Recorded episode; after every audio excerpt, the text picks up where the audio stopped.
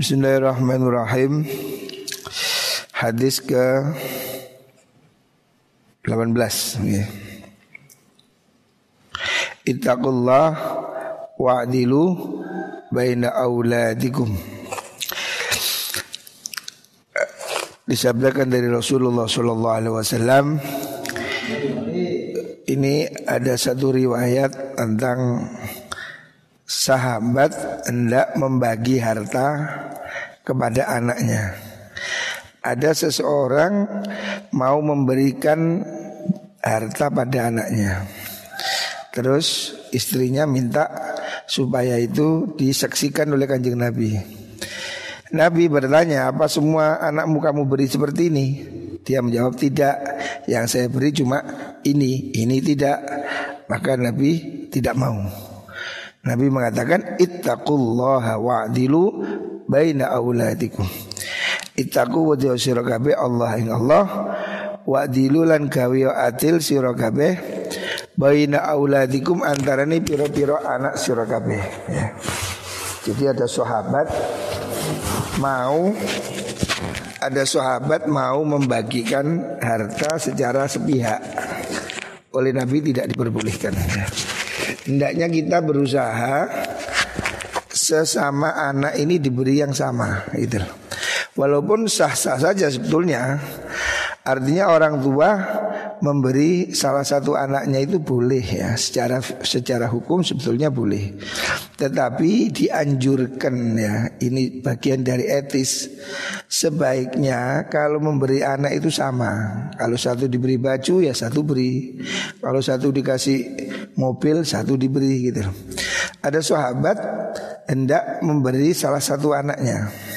Terus minta persetujuan Nabi Nabi mengatakan apa semua kamu beri? Dia mengatakan enggak. Nah, Nabi mengatakan ittaqullah wa'dilu baina auladikum. Ya. Itaku takut langkau Allah pada Allah Wa'dilu dan berbuat adillah kalian Baina auladikum di antara anak-anakmu Sebaiknya ya itu anjuran Sebaiknya kamu Jangan pilih kasih ya anak ini semua harus diberi perhatian yang sama ya. Walaupun mungkin prestasinya tidak sama yang satu diberi tidak masalah. Pokoknya oh ini karena hafal Quran dikasih hadiah sepeda motor. Oh ini hafal juz amma dikasih sepeda pancal. Nah, itu kan hadiah, tidak apa-apa. Tetapi dalam artian secara umum hendaknya kita itu adil pada anak-anak kita.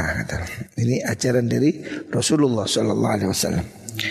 Seandainya tidak adil, ya boleh-boleh aja. Wong itu haknya orang tua, boleh-boleh aja. Wong orang memberi boleh, cuman sebaiknya ya anjuran itu sebaiknya ya perlakukan sama ya. Kita itu kan jangan sampai nanti anak-anak itu timbul permusuhan atau timbul kebencian ya.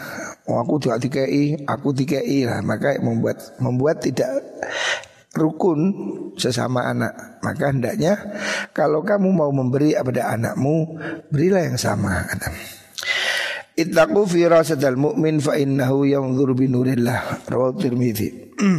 Ittaqu takutlah engkau sekalian.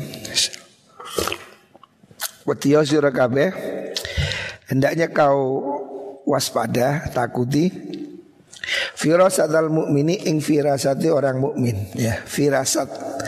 Firasat itu di bawahnya wahyu ya. Kalau nabi dapat wahyu. Kalau orang mukmin orang yang arif orang yang ahli ibadah itu oleh Allah diberi firasat. Firasat itu bahasa Indonesia-nya apa ya? Seperti pengetahuan terhadap hal-hal yang belum terjadi itu seperti ada orang yang punya firasat wah nanti akan terjadi gempa. Hati-hati nanti akan terjadi apa namanya uh, corona bawahnya ada yang bisa. Itu ada yang memang ada orang yang memang oleh Allah itu sedemikian rupa hatinya menjadi bersih dia itu bisa melihat kepada alam gaib alam yang tidak tampak. Sehingga dia oleh Allah diberitahu sesuatu yang akan terjadi. Dan ini berlaku pada Rasulullah Shallallahu Alaihi Wasallam.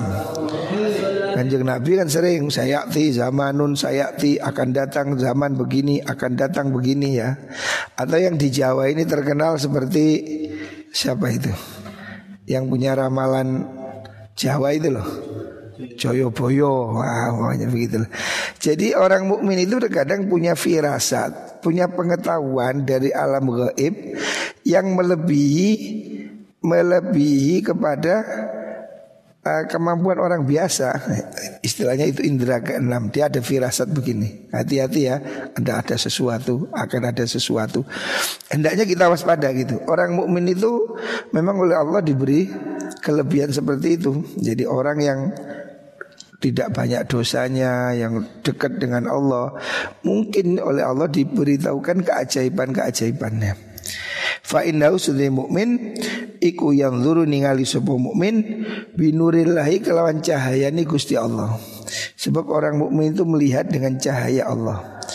Jadi ketika seseorang sedemikian bersih jiwanya, hatinya, ruhaninya, maka hatinya ini sangat bercahaya, terang. Sehingga dia melihat keajaiban yang di langit. Ya, dia melihat keajaiban di alam gaib. Maka banyak sekali ulama itu yang wali-wali ya yang sudah diberitahu oleh Allah akan terjadi begini bahwa akan terjadi itu banyak ada isyarah-isyarah ya. Itu firasat orang mukmin. Hendaknya kita hati-hati ya. Tapi ini bukan dukun loh ya. Beda kalau peramal lain lagi. Kalau ramalan itu seperti lamaran Mama Lemon apa itu yang akan meramal kiamat 2012 bledes akan meramal itu lain. Jadi firasat itu bukan bukan ramalan ya. Firasat itu mata batin ya, mata batin ketika orang hatinya sedemikian bersih, sedemikian terang, maka mata batinnya tajam sehingga dia bisa melihat kepada hal-hal yang di alam gaib. Maka dia tahu seperti diriwayatkan Imam Ghazali sebelum meninggal sudah tahu kalau malaikat akan datang.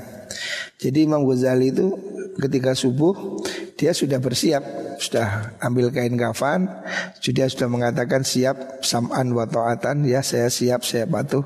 Dia sudah siapkan kain kafannya dan meninggal. Jadi dia sudah dikasih tahu kalau mau mati sudah tahu gitu. Nah itu kan memang dia sudah punya firasat gitu. Banyak orang-orang mukmin ya, orang-orang yang baik, orang-orang yang jernih hatinya itu dia melihat sesuatu yang belum tampak. Makanya firasatnya itu biasanya memang mengena. Akan tetapi seandainya ada orang itu oleh Allah dibukakan hal gaib itu tidak boleh diobral, tidak boleh kemudian dibuat nyongklok apa nyongklok yang dibuat meramal-ramal itu tidak boleh. Itu rahasia Allah. Jadi tidak boleh dilihat-lihatkan pada orang lain gitu. Ittaqi da'watal madlum. Itaki wedi sira kabeh dakwatal mazlumi ing pendungane wong kang den ya. Jadi orang yang dizolimi itu kamu harus takut ya. Siapa pun yang dizolimi walaupun orang kafir itu pasti ditolong oleh Allah ya. Jadi mazlum orang yang dizolimi itu pasti ditolong Allah cepat atau lambat ya. Ya hari ini umpamanya contoh kita melihat betapa dulu Amerika yang semena-mena menyerang Timur Tengah, menyerang ini Libya. Hari ini kan Allah turunkan balasan juga kena serangan corona. Orang yang didolimi ini pasti dibalaskan oleh Allah Cepat atau lambat ya. Makanya jangan berbuat dolim Hendaknya kau jauhi ya Jauhi doa orang teraniaya ya. Jauhi doa orang yang teraniaya Artinya jangan berbuat zalim pada siapa pun Karena orang yang dizolimi ini Doanya didengar oleh Allah Dan dia pasti dibantu oleh Allah ya. Walaupun itu orang kafir ya. Tidak boleh berbuat zalim pada siapa pun. Jangankan pada manusia. Pada kucing aja lo nggak boleh. Sebuah hadis Rasulullah Shallallahu Alaihi Wasallam Nabi mengatakan takhalatil mar'atu an-nara fi hirratin. Ada perempuan masuk neraka gara-gara kucing. Loh, gara-gara kucing orang bisa masuk neraka, ya.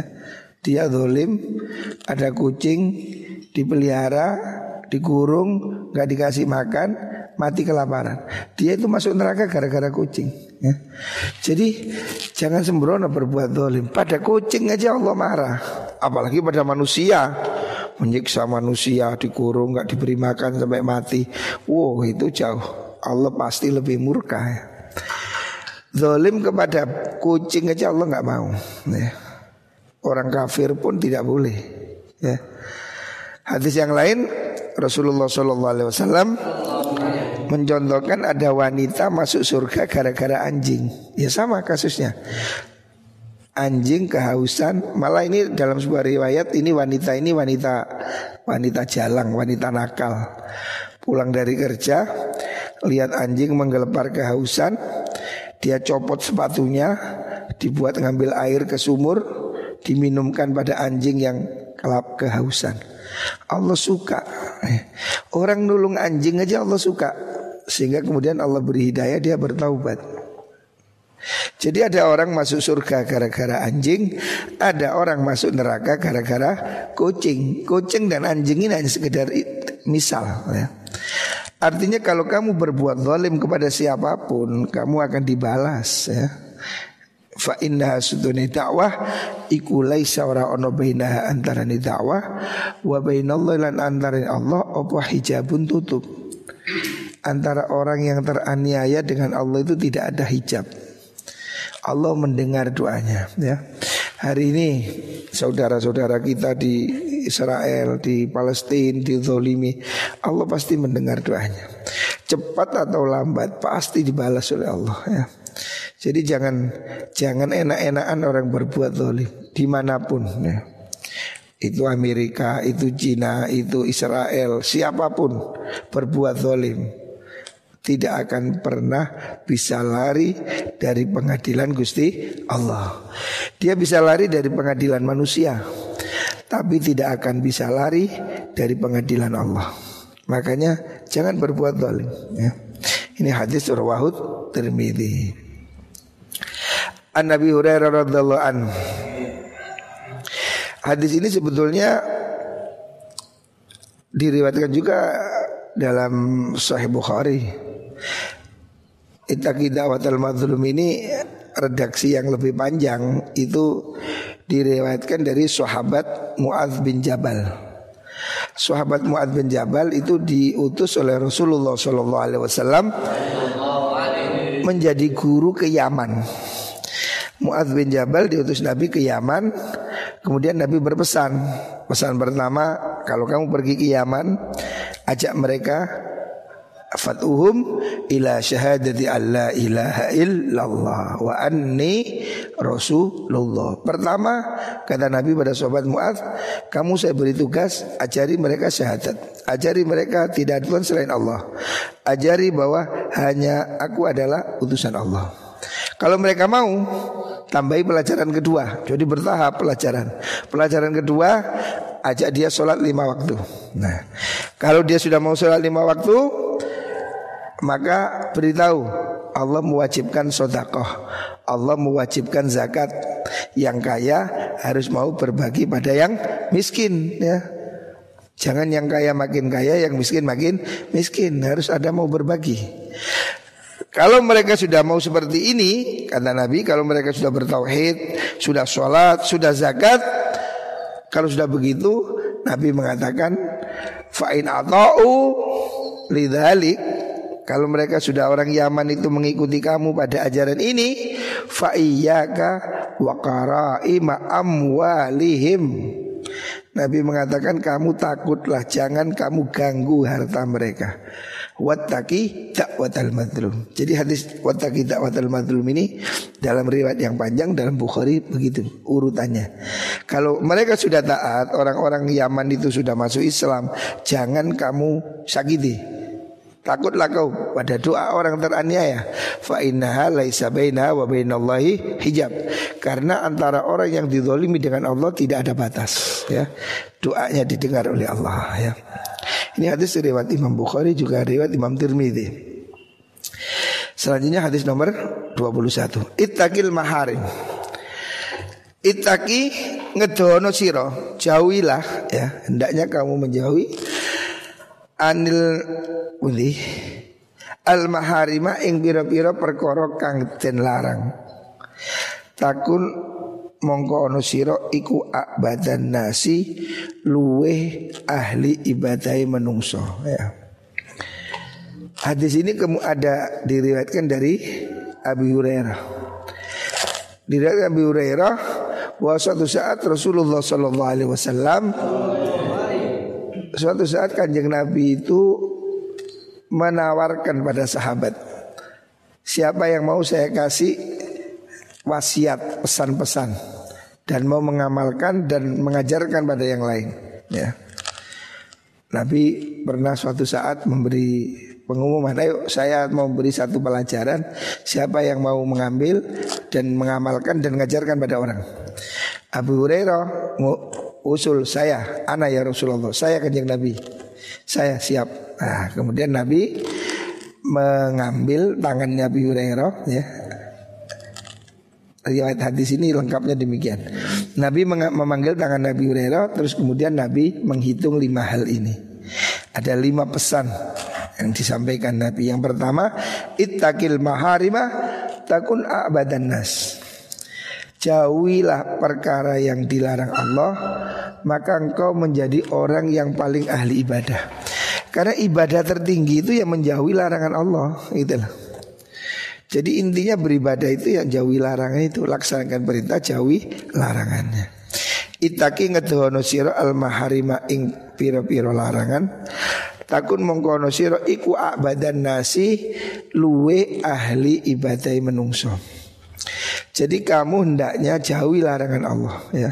Jangan berdusta, jangan berbohong, jangan mencuri, jangan berzina, jangan ah, larangan Allah itu jauhi semua. Kalau kamu bisa melaksanakan tidak melakukan yang dilarang Allah, maka kau adalah orang yang paling beribadah. Artinya ibadah tertinggi yaitu ya. Allah itu menyuruh kamu berbuat taat itu semampunya. Sholat lakukan semampunya Bisa berdiri berdiri. Gak bisa berdiri duduk. Gak bisa duduk sambil tidur gitu loh. Allah itu kalau terhadap perintah Allah itu memberi kamu kesempatan semampunya. Tapi kalau larangan ini lebih ketat ya. Jangan diremehkan ya. Jadi kalau kamu mau beribadah sesungguhnya Jauhi larangan Allah ya. Itu yang pertama Dari wasiat Nabi. Yang kedua Wardo bima qasamallahu laka takun aghnan nas. Pesan Nabi ini ada lima. Yang pertama hendaknya kamu jauhi larang Allah. Yang kedua Wardolan ridho siro Terimalah. Bima klan koroko sama kang bagi sopo Allah Gusti Allah. Laka maring siro Takun mongko ono siro Iku agnan nasi luwe suge menungso. Nasihat Nabi yang kedua Hendaknya kamu terima hidup ini apa adanya. Maksudnya bukan berarti kamu tidak boleh kaya. Orang muslim bekerja harus Orang muslim kaya bagus ya. Karena kita ini disuruh zakat. Kalau miskin zakat pakai apa? Kita disuruh naik haji. Haji pakai duit apa enggak? Hah? Haji pakai duit Makanya kita kaya itu tidak dilarang. Tetapi hendaknya kamu menerima pembagian Allah. Artinya setelah kamu berusaha Serahkan semua pada Gusti Allah. Bukan berarti ndelahom tidak berusaha.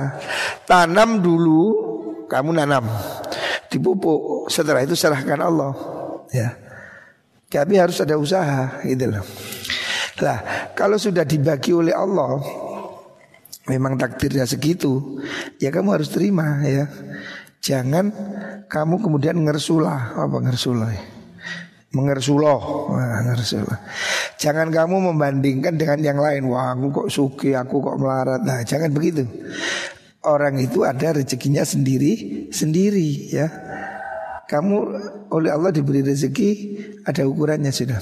Kata ayah saya dulu, almarhum bilang Uang itu lek ini sak gelas disiram sak ember kutah. Hmm. Artinya kalau memang takdirnya Allah itu rezekinya cuma secangkir ini, rezekinya cuma segini. Walaupun disiram satu trim ya tumpah-tumpah, gitu. habis juga tinggal satu gelas. Jadi rezeki itu sudah kadarnya sudah Allah yang tahu. Tapi kita kan tidak tahu, maka kita berusaha. Berusahalah lahir batin, wiritan, doa, solawat, naria, wakia, kerja dan seterusnya. Kalau kemudian oleh Allah diberi sekian, ya kamu terima. Jadi jangan kamu rakus ya.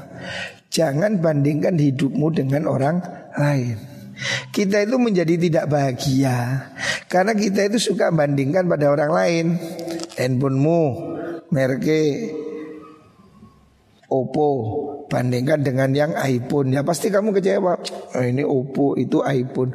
Tapi kalau kamu jangan bandingkan dengan yang lebih baik, bandingkan dengan yang nggak punya HP, kamu bersyukur gitu. Jadi kamu harus terima yang kamu terima itu lebih baik ya. Jangan menjadi rakus ya. Jangan bandingkan hidupmu dengan orang lain. Semua orang punya rezekinya sendiri sendiri ya. Ada dulu ada orang saya diceritain Syekh Hamadah. Ada orang itu ngersuloh. Tetangganya kaya. Itu siapa ngantuk? Ada orang tetangganya kaya kemudian dia itu merasa apa namanya merasa gak enak atau ngersuloh bahasa Jawa ini ngersuloh Gusti Allah ini nggak adil. Membagi rezeki tetangga-tangga diberi saya kok nggak keduman. Nah, saya kok nggak dikasih. Yang bagi rezeki ini kok ngelewati rumah saya. Akhirnya dia cerita pada seorang kiai. Pak Kiai Bagaimana Allah bagi rezeki ini kok nggak adil? Di kampung saya ini yang satu diberi itu diberi tetangga diberi saya nggak diberi. Apa Gusti Allah ini nggak tahu kalau saya ini ya butuh. Akhirnya oleh kiai itu dia diajak ke rumah sakit. Ayo udah ikut saya ke rumah sakit. Setelah di rumah sakit dia bilang, kenapa kamu nggak minta? Kok itu sakit sakit kok saya nggak dikasih? Gitu ya. Artinya itu ya bagian Allah. Kamu mungkin di, tidak dikasih harta, tapi kamu dikasih sehat. Ya, jangan iri. Kenapa dia kaya? Kenapa yang kaya kamu iri? Kenapa yang sakit nggak kamu iri? Lihat orang yang di rumah sakit yang tubuhnya penuh kabel, yang diinfus, yang di apa? Hidungnya dipasangi ventilator. Kenapa kamu nggak iri pada mereka? Gitu Kok kamu iri pada yang kaya? Kenapa dia kaya saya tidak? Mestinya kamu iri juga kenapa dia sakit saya tidak gitu mestinya. Jadi kamu jangan iri pada yang enak. Allah itu sudah membagi sesuai keadilan Gusti Allah. Makanya hendaknya kamu terima hidupmu apa adanya. Takun agnanas. Kamu jadi orang yang paling kaya. Orang kaya itu orang yang teriman Itu kaya sudah. Walaupun dia punya harta Tapi kalau hatinya masih rakus Dia belum kaya. Dia masih ingin Masih ingin Masih masih mau apa Hatinya penuh Gejolak ya. Orang ini kalau nuruti nafsu rek Gano entai Kalau kamu punya satu sepeda motor Pasti ingin dua. Umpamanya Samsul Sul ini sul sepeda motor dia pasti sih mikir kok cuma satu ya. Kalau dua kan enak, satu bebek, satu trail. Nah, makanya. Seandainya diberi dua, saya mikir mana? Enak telu enak, situ Vespa. Nah, orang itu tidak ada puasnya. Kalau nuruti kurang, orang ini pasti tidak puas ya. Kata Rasulullah SAW, seandainya orang itu punya satu gunung emas, dia kepingin gunung satu lagi gitu. Orang itu sudah punya mobil, kepingin helikopter. Nah, makanya ada orang punya helikopter. Sudah punya helikopter, kepingin jet. Nah, sudah punya jet, bu kepingin apa? Pesawat ulang alik. Sekarang ini sudah ada orang daftar akan hidup di planet Mars. Oh, ini kan harus berlebihan. Manusia ini tidak akan puas sebelum mati. Kata Nabi, wala yamla'u jawfabni Adam illa turab. Perut anak Adam ini tidak kenyang sebelum dia makan tanah. Maksudnya sebelum mati itu nggak nggak habis orang. Orang punya sepeda motor pingin mobil Sudah punya mobil kepingin mobil lagi Punya rumah satu pingin dua Punya istri satu pingin dua Orang itu kalau nuruti gak cukup Gak cukup Semua orang selalu ingin kurang. Makanya orang kaya itu orang yang sudah merasa cukup. Orang yang mau nerima hidup apa adanya. Itu kaya sudah. Dia gak butuh apa-apa. Ya. Tapi kalau dia masih rakus, dia miskin. Dia akan terus ter tersiksa oleh dunia. Itu nasihat yang kedua. Yang ketiga, wa ahsin ila jarika takun mukminan.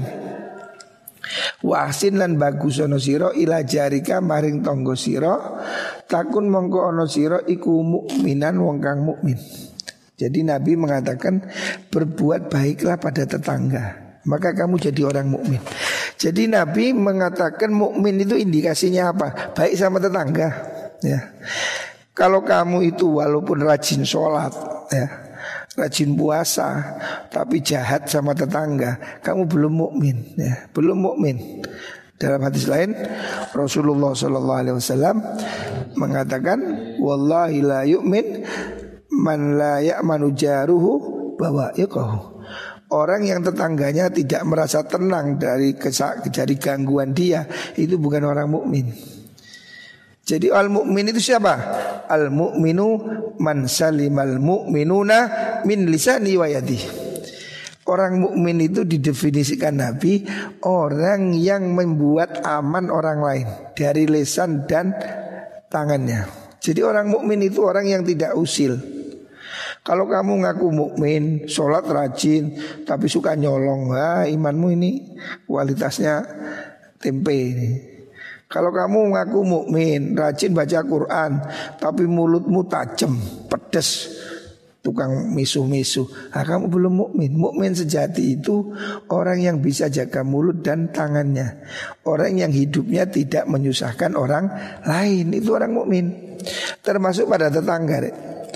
Tetangga kita ini kewajiban kita. Bahkan Rasulullah Shallallahu Alaihi Wasallam itu oleh kanjeng oleh malaikat Jibril selalu diingetin soal hak tetangga. Sampai Nabi pernah bilang Jibril ini sering mengingatkan saya soal tetangga. Sampai saya pikir Jibril ini ahli warisnya tetangga saya. Artinya begitu care malaikat Jibril mengingatkan kewajiban kita terhadap tetangga. Ya. Jadi kalau kamu mukmin hormati tetanggamu. Ya. Kamu jadi orang mukmin yang benar kalau kamu peduli pada orang lain. Ya seperti hari ini ada banyak orang musibah, susah. Ayo kita berbagi. Ya bisa apa? Lakukan ya. Bisa kasih makan, kasih makan, kasih duit, kasih duit. Bisa nyemprot, bisa apa pun yang kamu bisa lakukan untuk tetanggamu, lakukan. Kalau kamu berbuat baik pada tetanggamu berarti kamu orang mukmin. Nah, nasihat ketiga. Yang keempat, wa ahibbalin nas ma tuhibbu li nafsi takun li nafsika takun musliman. wa ahibbalan demenosiro, cintailah linasi pada manusia, cintai orang lain, bukan bukan hanya kekasih ya, cintai semua orang ya, linas nasin umum, baik itu muslim non muslim ya, orang kenal tidak kenal semua orang cintailah ya. Ma lakukan. Maksudnya cinta itu lakukan yang terbaik. Ma ing perkara tuhibbu kang demen sira li nafsika maring awak sira. Ini aturan emas ya. Aturan emas yang diakui seluruh dunia. Dan ini juga ditulis di Amerika. Saya waktu pergi ke Amerika di di Washington itu dituliskan hadis ini. Jadi lakukan untuk orang lain seperti kamu ingin diperlakukan. Ini menembus semua agama. Ini aturan emas, golden rule. Aturan emas yang berlaku di seluruh dunia. Lakukan untuk orang lain seperti kamu ingin diperlakukan. Takun musliman. Kalau kamu begitu, maka berarti kau orang Islam. Ya. Orang Islam ini definisinya bukan karena kupluknya. Orang Islam ini bukan cobanya ya. Orang Islam itu definisinya Definisinya Al-Muslimu Yaman salim al-Muslimun Orang Islam itu orang yang membawa kedamaian ya. Maka Nabi di sini mengatakan Lakukan untuk orang lain si, Sukailah untuk orang lain Apa yang kamu suka untuk dirimu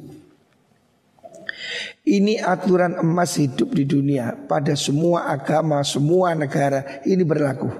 Dan ini sudah diajarkan 14 abad lalu oleh Rasulullah sallallahu alaihi wasallam. Allahumma shalli Muhammad. Kanjeng Nabi ini 14 yang abad yang lalu sudah menjadi guru dunia. Kanjeng Nabi sudah menjadi guru perdamaian dunia. Lakukan untuk orang seperti kamu ingin diperlakukan. Cintai untuk orang lain apa yang kamu suka, apa yang kamu suka. Ya kamu harus suka berbuat apa yang kamu suka diperbuat. Kalau kamu suka dibantu, kamu harus suka membantu. Itulah. Kalau kamu suka ditolong, kamu harus suka menolong. Kalau kamu suka diberi, kamu harus mau memberi. Kalau kamu tidak mau disakiti, jangan menyakiti. Kalau kamu tidak mau dilukai, jangan melukai. Kalau kamu tidak mau dibohongi, jangan membohongi. Lakukan untuk dirimu seperti kamu ingin diperlakukan oleh orang lain. Ini aturan emas dan ini harus menjadi semboyan hidup orang Islam ya. Ingat, orang Islam itu bukan diukur dengan jenggotnya, batuknya, cingkrangnya, bukan. Orang Islam itu ukurannya bagaimana dia bisa berbuat baik untuk orang lain. Itu orang Islam yang sejati. Orang Islam kok galaknya setengah mati. Enggak usah galak-galak lah, Nabi juga enggak galak. Hah? Emang nabinya galak? Nabi enggak galak. Huh? Kita ini lakukan untuk kemanusiaan. Hari ini ada orang kecelakaan. Kau usah ditanya, bro, kamu Islam enggak? Islam, NU enggak? Enggak usah ngapain ada orang tipe yang tulung ono cok kate ditulung sih ditakoni sih. Ono wong tipe ketebuk, eh kamu tipe enggak? Islam. Islam, NU, NU, mondok, mboten kasih to. Enggak, ini kamu tidak manusiawi. Kemanusiaan itu melintasi semua agama ya. Ini namanya ukhuwah basyariyah. Kita ini kalau tidak bersatu dalam agama, kita bersatu sebagai sesama umat manusia. Ya, maka jangan membenci siapa pun, walaupun orang non muslim, jangan dibenci. Yang kita benci itu kejahatannya, kelakuannya, kejelekannya, itu yang dibenci. Ya, kita baik-baik saja kamu tahu. Tetanggamu sebelah itu non muslim loh. Maka saya kamu saya tidak suka kalau kamu malam hari bengok-bengok. Tadi malam tak dengar di pos anak rame. Kamu harus tahu tetanggamu sebelah pondok itu non muslim kamu harus jaga perasaan dia ya. Kita harus saling menghargai. Jadi kita pada tetangga Muslim ataupun non muslim Semua punya hak ya jadi jangan pilih-pilih walaupun dia non muslim hormati dia ya. Hormati tetanggamu siapa pun. Berbaik berbuat baiklah pada manusia apa pun agamanya ya. Apalagi sesama orang Islam ya. Tapi kadang kita ini kuali pada orang Islam galak, pada orang non muslim ramah. Ini juga salah. Harusnya kita harus baik pada semua orang. Islam ini harus menjadi rahmatan lil alamin. Alam ini semua, muslim, non muslim, manusia, hewan, semua harus kita jadi baik pada mereka ya. Wa umuni. wala tuksir. Pesan yang terakhir wala tuksir lan ojo. Oh, bu, belum ya. Yang ke berapa ya? Yang keempat. Oh, bu, mana? Iya, yang kelima ya. Wala tuksir ad-dhahika. Yang keempat pesan Nabi yang kelima ya. Wala tuksir ad-dhahika. Jangan banyak ketawa. Wala tuksir dan ojo ngakeno sira ad-dhahika ing guyu. Orang humor boleh-boleh aja ya. Tapi jangan cerawak guyu kwa kwa kwa kwa koyo manu gagak. Orang humor boleh ya, humor itu boleh, bukan jelek boleh. Kanjeng Nabi juga humor, senyum baik. Tapi yang tidak boleh itu guyu ngakak-ngakak itu loh. Guyu kayak guyu nih sama Mana kon guyu nih tiga kai kon guyu yang terbahak-bahak itu tidak bagus. Ya ketawa lah ketawa. Memang kita itu perlu humor ya, perlu santai ketawa. Tapi jangan banyak ketawa. Ojo guyu tok kayak dagelan. Ya ada santai ada serius ya. Jangan terlalu serius juga.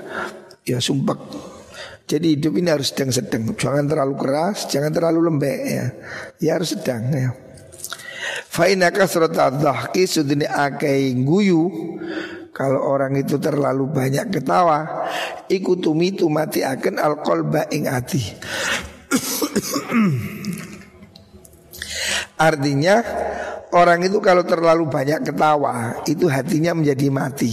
Hatinya mati maksudnya hatinya ini menjadi membatu. Kalau terlalu banyak ketawa itu hatinya jadi keras.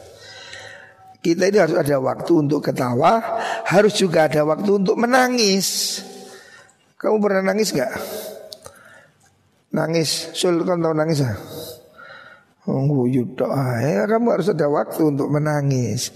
Menangisi apa? Menangisi dosa Menangisi kesalahan kita.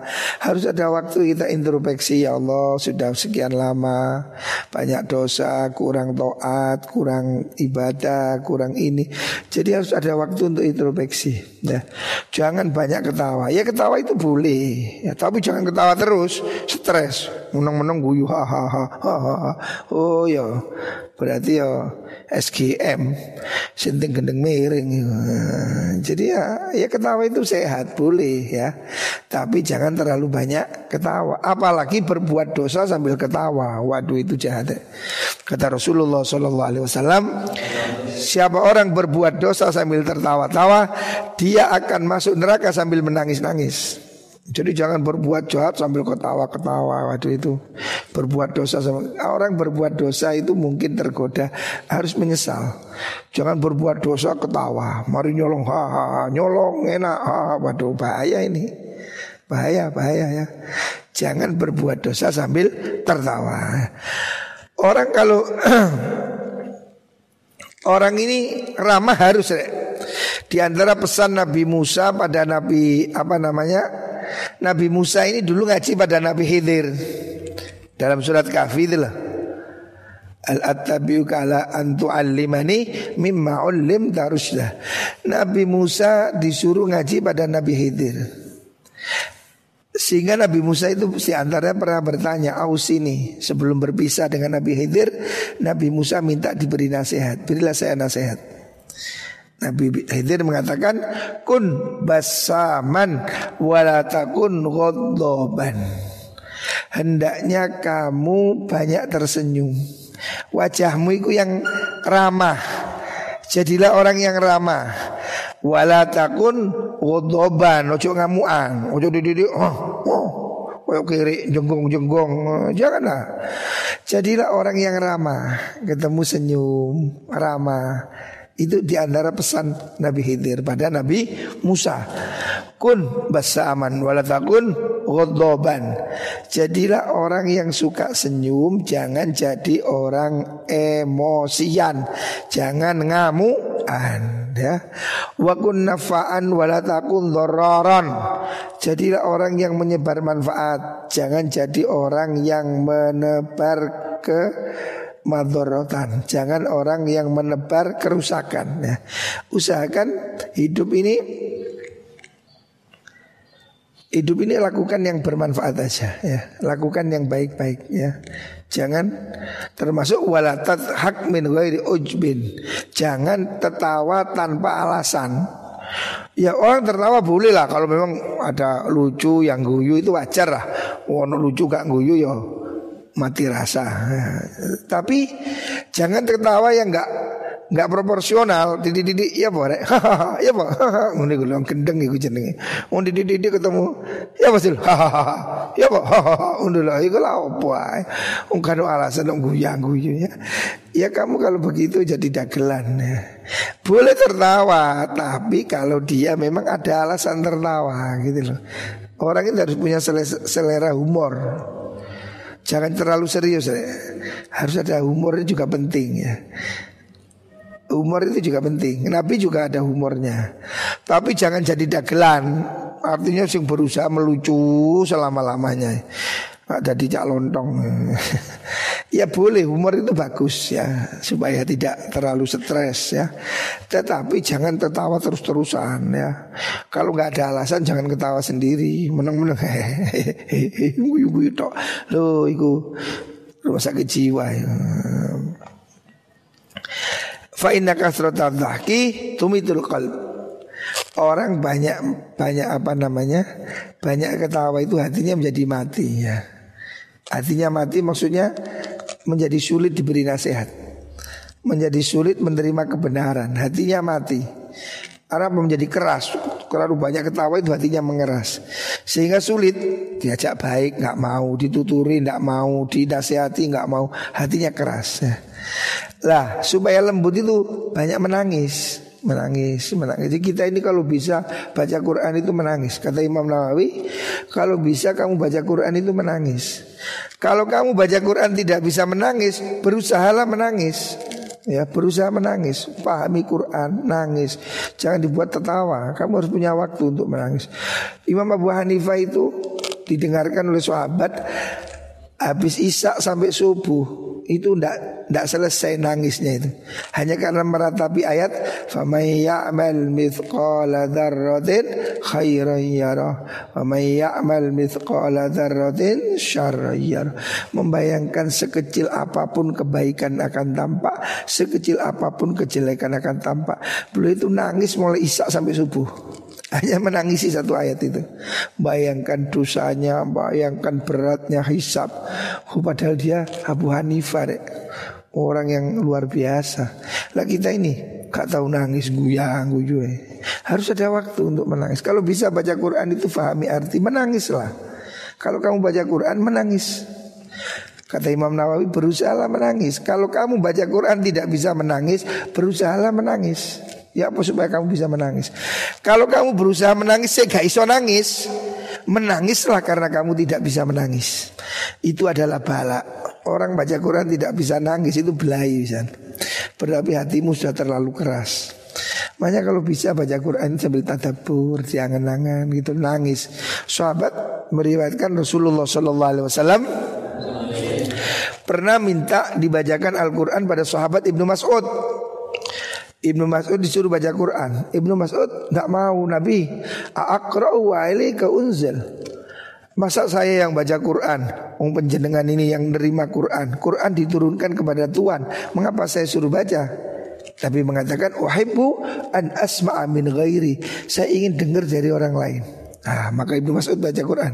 Kita ke sampai pada ayat wa kaifa idza ji'na min kulli ummatin bi syahidin wa ji'na bika ala haula'i syahida. Nabi mengatakan yakfikal an, cukup. Ibnu Mas'ud mengatakan ketika saya lihat Nabi mengatakan cukup faidan ainahu tadrifan. Saya melihat Nabi matanya berlumuran air mata. Lu kan jing Nabi mendengar baca di Ibnu Mas'ud itu nangis. Ya, karena tahu artinya. Dan sahabat yang lain meriwayatkan dalam kitab Ratus Salihin Kanjeng Nabi itu kalau baca Quran Itu dadanya terdengar seperti air yang mendidih Bergetar-getar ya. ya karena bacanya dengan tadabur ya. Bacanya dengan apa namanya penuh penghayatan. Makanya nangis bacanya itu. Betul-betul nangis. Lah kita ini kalau nggak bisa nangis ya berusaha nangis. Kalau masih nggak bisa nangis, tangisilah diri kita kenapa tidak bisa menangis. Karena Allah sendiri mengancam dalam Quran, afala yatadabbaruna al-Quran amala qulubin amala qulubin akfaluha. Quran itu supaya diangen-angen, bukan hanya untuk dibaca tapi tadabbur ya. Berkahnya Al-Quran itu kalau kita bisa tadabur Angen-angen artinya Kitabun anzalnahu ilaika mubarakun liyadabbaru ayati. Jadi kitab ini berkah kalau kamu itu mentadabur, memahami arti ya. Makanya supaya kita ini bisa sungguh-sungguh ya. Kalau kita memahami artinya, mungkin akan menangis. Tapi karena gak paham, yang guyang guyu ay toyib toyib bunuh baru. Allah Allah guyang guyu. Padahal ayatnya ini harusnya kita baca Quran itu Kata Imam Syafi'i Kalau kita baca Quran itu Tidak ada mengikutinya. Kalau ada ayat azab Kita minta dijauhkan. Kalau ada rahmat Kita minta diberi rahmat. Ya contoh Pada surat apa Sabihis. Kalau kita mendengar ayat apa itu kalau mendengar ayat akhirnya sabihis apa? Akhirnya sabihis kamu apa enggak? Hah? Sabihis sabihis marab bikal alladhi khalaqa fasawwaha Inna ilaina iyabahum Thumma inna alaina hisabahum Rabbi hasibni hisabayasiro Supaya kita itu kalau baca Quran itu mengikuti doa Seperti Alaysa dzalika biqadirin ala an yuhyiyal mauta bala innahu laqadir. Jadi kita harus menjawab tantangan Al-Qur'an. Apakah kamu tidak yakin bahwa Allah itu bisa menghidupkan yang mati? Mari kita jawab bala innahu yaqadir. Ya, pasti saya percaya Allah bisa menghidupkan. Sama dengan kalau kita mendengar ayat Alaihissallahu bi'ah kamil hakimin. Jawabnya apa? Bala wa ana ala dzalika minas syahidi. Ketika Allah mengatakan, "Apakah saya ini bukan hakim yang maha adil?" Kita jawab, "Iya, saya menyaksikan benar Anda adalah Tuhan adalah hakim yang maha adil." Jadi hendaknya kita pahami Al-Qur'an itu dan kalau ada ayat neraka kita apa mohon perlindungan dari Allah ya. Jadi berusahalah untuk memahami ayat-ayat Al-Quran supaya hati kita menjadi lembut ya. Ini hadis riwayat Imam Ahmad An Nabi Hurairah. Selanjutnya yang terakhir kalau Rasulullah Shallallahu Alaihi Wasallam Ittaqullaha wa sallu hamsakum Ittaqu wa Allah ing Allah wa sallulan salat sira kabeh hamsakum ing salat imang waktu sira. Ya. Hadis ini menerangkan perintah Nabi. Pertama kamu takutlah pada Allah. Kalau kamu takut pada Allah lakukan konsekuensi yang pertama. Wa sallu hamsakum. Kamu harus mau sholat lima waktu. Itu implementasinya. Yang pertama. Yang kedua wasumu syahrakum. Hendaknya kamu puasa ya. Wasumu poso sira kabeh syahrakum ing bulan sira kabeh. Jadi kamu harus puasa besok ini Ramadan. Semoga kita semua dapat puasa. Amin Allahumma amin. Itu perintah. Takwa kamu sholat. Takwa kamu poso wa addu zakata amwalikum wa atulan nekana sira kabeh zakata amwalikum ing zakate dunya sira kabeh ya. Bayar zakat jangan pelit. Kalau kamu jadi orang kaya zakat. Zakat itu tidak mengurangi harta, Rek. Zakat itu akan menambah hartamu, ya. Orang zakat itu pasti tambah kaya.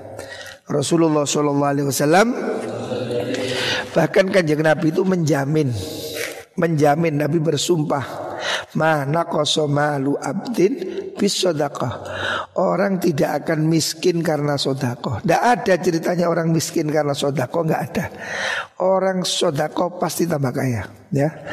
Makanya saya menghimbau wali santri Para pemirsa Ayo di rumah ini musim musibah ini Banyak sodakoh dalam hadis lain Nabi mengatakan dawu mardokum bisodako obati orang sakit dengan sodako. Jadi kalau kamu agak nggak enak badan sakit sodako ya supaya kamu dijauhkan dari belai corona ini banyak sodako ya. As sodako itu tadfaul bala. Sodako itu bisa menolak bencana ya. Maka sedekahkan. Boleh kamu bagi sendiri. Boleh kamu beli ke lazis. Boleh kamu beri ke lembaga-lembaga ya atau ke Aziz Anur boleh juga ya. Keluarkan sodako, keluarkan zakat ya. Jangan belit. Zakat ini sesungguhnya akan menambah harta kita. Ya. Kayak wong sunat itu, kalau sunat. Sunat itu kan dipotong sedikit tapi kan tambah muncul. Nah, ya dikalongi didik tapi kan tambah molor, nah, tambah tambah motot, tambah dipotong sedikit supaya lebih bagus. Kalau nggak dipotong malah jelek. Ya, makanya zakat itu cuma sedikit, kayak orang itu disunat ya, biar tambah gagah. Ya. Hartamu akan bersih kalau dizakati, hartamu bersih. Ya. Taibatan kelawan enak, maksudnya harus rela. Biha kelawan mengkuno zakat Opo anfusukum piro-piro ati sira kabeh ya. Kalau zakat itu yang rela Jangan sambil merengut. Zakat keluarkan dengan sukarela. Karena kita merasa bersyukur Sudah diberi rezeki Allah Kita tunaikan kewajiban membayar zakat. Bukan hanya zakat fitrah. Kadang orang zakat cuma zakat fitrah. Zakat harta kita Zakat simpanan kita ya. Keluarkan zakatnya. Wati ulan atau syuruh beda amrikum ing wong kang duweni perkoro untuk pemimpin syuruh Ini ada perintah untuk taat pada pemerintah ya. Za amrikum itu penguasa. Kita ini di samping taat pada Allah juga harus taat pada pemerintah. Tidak boleh melawan pemerintah, tidak boleh. Tidak boleh memberontak pada pemerintahan yang sah. Ya. Tidak boleh. Walaupun zalim. Dulu saya masih ingat ayah saya tahun 80-an. Ada kasus dulu namanya kasus Tanjung Priok. Kamu belum lahir ya. Pak Umar masih lahir betul tahun 80 Tahun 82 atau berapa? Dulu itu ada kasus Tanjung Priok.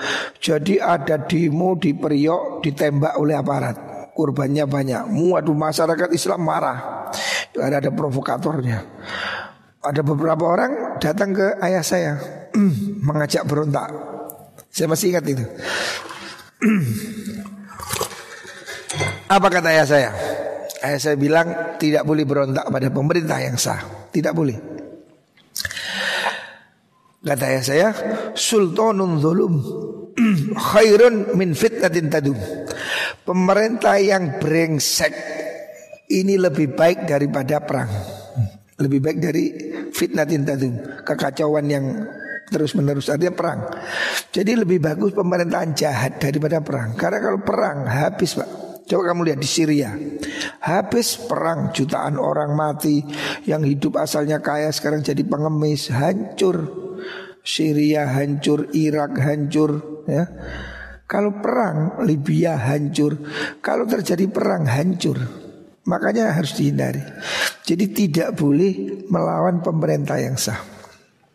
Waktu itu orang-orang ngajak berontak. Ayah saya bilang saya tidak akan berontak. Selama pemerintah ini kata ayah saya Selama pemerintah tidak melarang sholat Selama pondok tidak ditutup Kata ayah saya Saya tidak akan berontak Seperti apa pun pemerintah ini Pemerintah buruk seburuk apa pun Tidak boleh memberontak ya. Sabar Kecuali kalau dia sudah memerintahkan sesuatu yang batil seperti dulu perang di Ponegoro. Di Ponegoro itu marah karena masjid dibuat kandang kuda. Marah terjadilah perang di Ponegoro. Kata ya saya kalau saya masjid tidak ditutup, ngaji tidak dilarang, saya tidak akan berontak. Tapi kalau masjid ditutup, kata ya saya, kalau masjid ditutup, ngaji dilarang, saya akan angkat, angkat senjata, jihad. Tapi kalau tidak, tidak boleh ya. Tidak boleh melawan pemerintahan yang sah ya. Mau bikin khilafah, waduh itu ngelamun. Orang bikin khilafah itu wong turu ke anu turune ke ke ngorok. Oh, negeri kayak gini mau bikin khilafah di mana? Itu hayal itu ya. Jadi kita harus tunduk pada pemerintahan yang sah. Menjaga negara ini bagian dari menjaga agama kita. Kalau perang, orang tidak bisa sholat, orang tidak bisa sekolah, orang tidak bisa kerja, ya rusak. Maka wajib taat pada pemerintah selama tidak menyuruh kejahatan. Tadkhulu jannata rabbikum. Kalau kamu melakukan lima hal ini Pertama takwa pada Allah. Yang kedua sholat lima waktu. Yang ketiga puasa Ramadan. Yang keempat bayar zakat. Yang kelima taat pada pemerintah Atau taat pada pemimpin. Kalau kamu melakukan lima hal ini Catat lima hal ini Tadkhulu Mongko bakal mlebu sira jannata rabbikum ing suargane pangeran sira kabeh. Ini lima kunci masuk surga ya. Angen-angenan. Ada lima kunci masuk surga. Riwayat Imam Hakim. Yang pertama takwa kepada Allah. Yang kedua sholat lima waktu. Yang ketiga puasa Ramadan. Yang keempat bayar zakat. Yang kelima taatlah pada pemimpin ya Insya Allah kita semua masuk surga. Amin Allahumma amin. Barakatil Fatihah.